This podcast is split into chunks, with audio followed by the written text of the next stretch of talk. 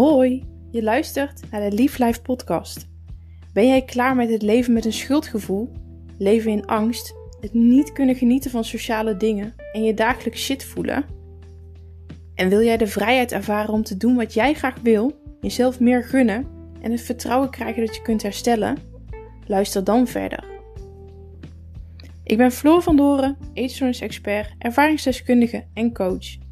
Ik heb er mijn missie van gemaakt om jongeren en jongvolwassenen te begeleiden, inzicht te geven en contact te leren maken met hun gevoel, om zo stappen te kunnen zetten in hun reis naar een vrij en gelukkig leven zonder eetstoornis. Ik geloof erin dat iedereen kan herstellen van een eetstoornis en dat iedereen het leven van zijn of haar dromen kan leven. In deze podcast wil ik je inspireren en motiveren tijdens jouw reis naar herstel. Ik deel graag informatie, tips en ervaringsverhalen met je om jou het gevoel te geven dat je niet alleen bent. Ik wil je graag leren verbinding te maken met jezelf en jouw gevoel door het delen van meditaties, zodat jij kunt groeien als persoon en het leven van jouw dromen kunt gaan leven. Luister je mee?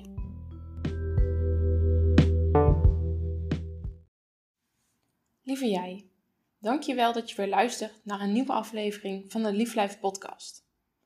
Vandaag wil ik met je stilstaan bij hoe ga je om met de mening van anderen.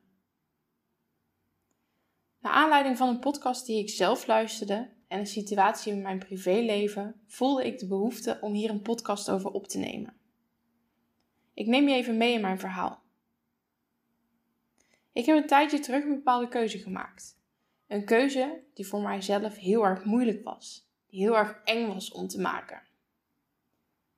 Die keuze die heb ik gemaakt omdat ik me daar goed bij voel. Ik merk dat ik er gelukkig van werd als ik die knoop zou doorhakken. En dat ik gelukkig werd van de gevolgen van die keuze. Dat het me blij maakte. Gisteren heb ik gedeeld welke keuze ik had gemaakt. Maar wat gebeurt er op het moment dat je iets deelt met iemand? Althans, dat merk ik heel vaak. Als je iets deelt met iemand, dan komen daar heel vaak reacties op als: Heb je er goed over nagedacht? Heb je nagedacht over?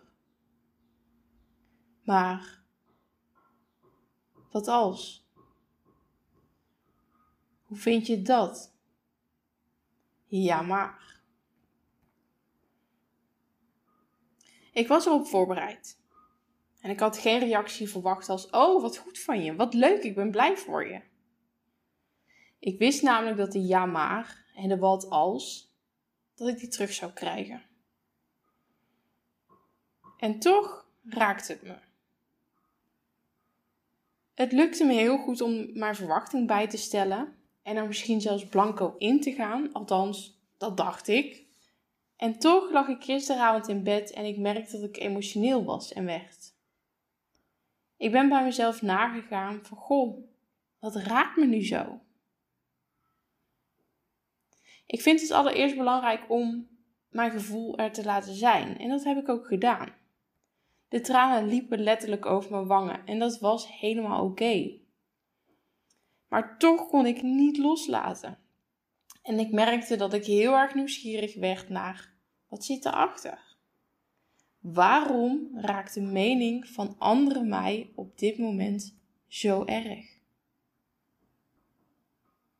Ik ben na gaan denken en de ja maar en wat als van de ander gaven mij heel sterk het gevoel dat ik niet oké ben zoals ik ben.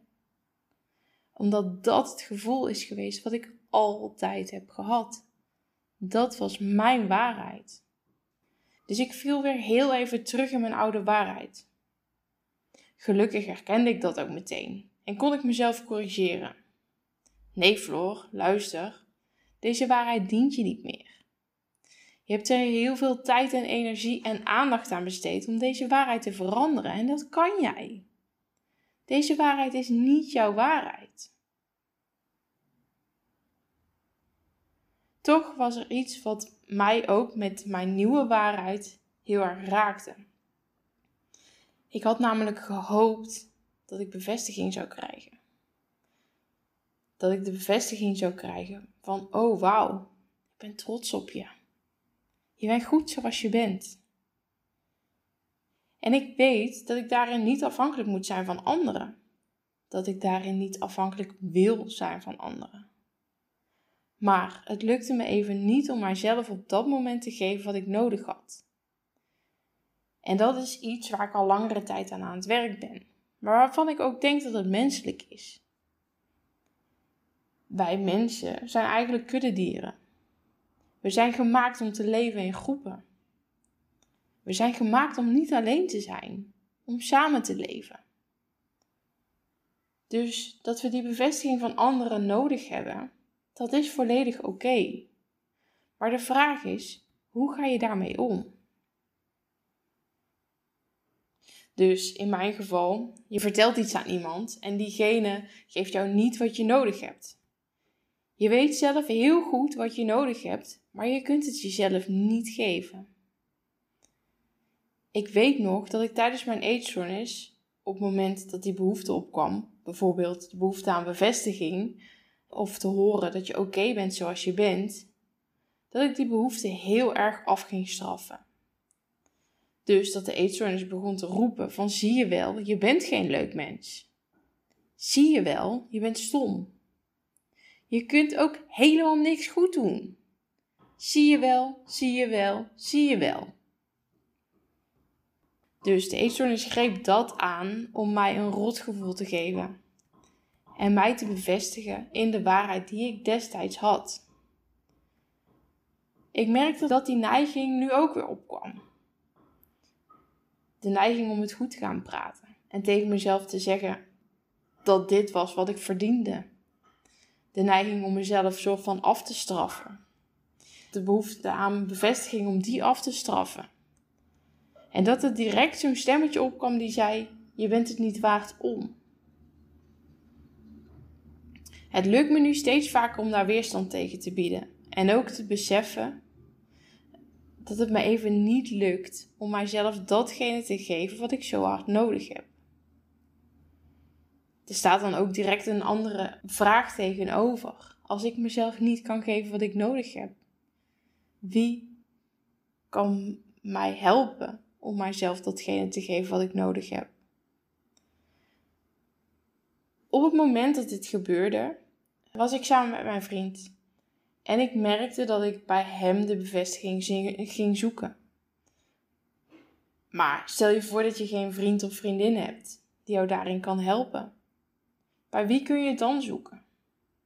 Wat heb jij op zo'n moment nodig? En wie kan jou geven wat jij op zo'n moment nodig hebt? Soms lukt het niet helemaal om dat te ontvangen, om die bevestiging toe te laten. Ook al heb je nog zulke lieve mensen om je heen en geven ze jou precies wat jij nodig hebt. Het is op sommige momenten heel moeilijk om dat negatieve stemmetje even uit te zetten en in een open ontvangmodus te komen. In deze situatie die ik net beschreef, lukte het mij niet om die bevestiging toe te laten. Het lukte mij niet om te horen dat ik goed was zoals ik ben. En het lukte mij niet om mezelf te vertellen dat dat zo was. Uiteindelijk ben ik maar gaan slapen. Slapen is een van de manieren om los te komen van je hoofd. Want op het moment dat je slaapt heb je weinig hersenactiviteit. Althans, die is anders dan wanneer je wakker bent. Dus slapen of een dutje doen kun je inzetten als een soort van resetmomentje. Om heel even los te komen van je hoofd en jouw gedachten even te laten zwijgen.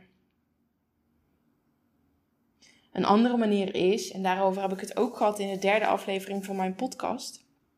Uh, de, een andere manier is dat op het moment dat je merkt dat je heel erg in je hoofd zit, dat die negatieve gedachten heel erg opkomen. Dat betekent dat je eigenlijk niet in het moment bent. Dat je niet leeft in het hier en nu. Dus wat heb jij nodig om weer in het hier en nu te komen? Wat helpt jou om bewust te worden van datgene wat er nu gebeurt? Wat helpt jou om in het moment te leven en niet bezig te zijn met wat er een uur geleden is gebeurd? Wat er vorig jaar is gebeurd? Of wat er misschien morgen gaat gebeuren? Wat mij daarin heel erg helpt is mediteren. Alleen ik merkte gisteren dat mediteren ook geen optie was. dat hoofd, dat bleef maar schreeuwen, schreeuwen, schreeuwen. Wat me uiteindelijk wel ook heeft geholpen, naast dat ik ben gaan slapen, is dat ik me ben gaan richten op mijn ademhaling. Op het moment dat ik inademde, telde ik de lengte van mijn inademing. Ik heb mijn adem vervolgens vastgehouden voor een aantal seconden. En vervolgens heb ik mijn uitademing weer geteld. Ik merkte dat ik langzaamaan rustig werd en dat mijn hoofd steeds meer stil werd. Uiteindelijk had ik voldoende rust gevonden om te kunnen gaan slapen en dat resetmomentje in te kunnen zetten. Ik ben heel erg benieuwd hoe dit voor jou is. Herken je je in mijn verhaal? En wat doe jij op het moment dat je iets nodig hebt, maar dat je het niet krijgt? Hoe ga jij om met de mening van anderen? Wat doe je als je jezelf niet kunt geven wat jij nodig hebt? Durf je überhaupt te luisteren naar wat je nodig hebt of waar jij behoefte aan hebt? Mag dat er zijn? Denk er eens rustig over na. Ik wil je nog één ding meegeven. En dat is dat de mening van anderen iets is waar we niet los van kunnen komen. Want iedereen meent altijd ergens iets van te moeten vinden en altijd ergens iets van te mogen vinden. Terwijl wij zelf verantwoordelijk zijn voor ons eigen leven. Voor de manier waarop we ons leven inrichten. Voor de keuzes die wij maken. We kunnen niet verwachten dat anderen geen mening meer hebben, hoe graag we dat ook zouden willen. Het enige wat we kunnen doen is verantwoordelijkheid nemen in hoe we omgaan met de mening van anderen. Dus wanneer je merkt dat de mening van anderen jou raakt, dan mag dit gevoel er zijn. Het is oké. Ga bij jezelf na waarom dit je zo raakt. Welke reactie had je gehoopt?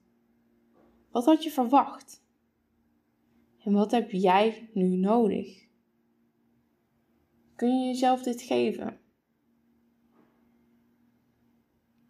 Op het moment dat de mening van anderen een negatieve gedachtenstroom teweeg brengt en het niet lukt om daar los van te komen, kan het helpen om te mediteren.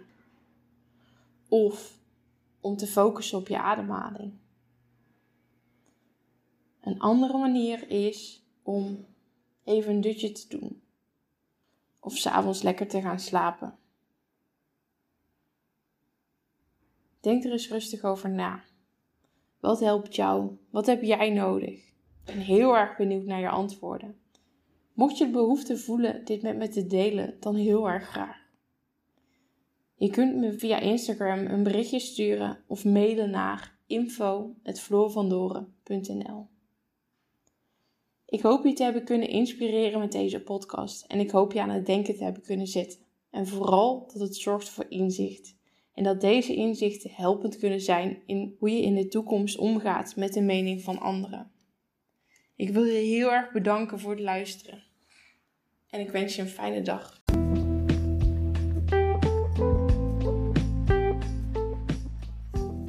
Bedankt voor het luisteren naar deze podcast. Ik hoop dat ik je heb kunnen inspireren en motiveren en dat ik je het gevoel heb kunnen geven dat je niet alleen bent. Wanneer je deze aflevering leuk vond, zou je dan één ding voor mij willen doen? Maak een screenshot van deze aflevering en deel via jouw social media kanaal dat je luistert en tag mij in je bericht. Zo help je mij om een groter bereik te krijgen, waardoor ik meer mensen kan helpen, kan inspireren en kan motiveren tijdens hun reis naar herstel. Ik wens je een hele fijne dag. Maak er wat moois van.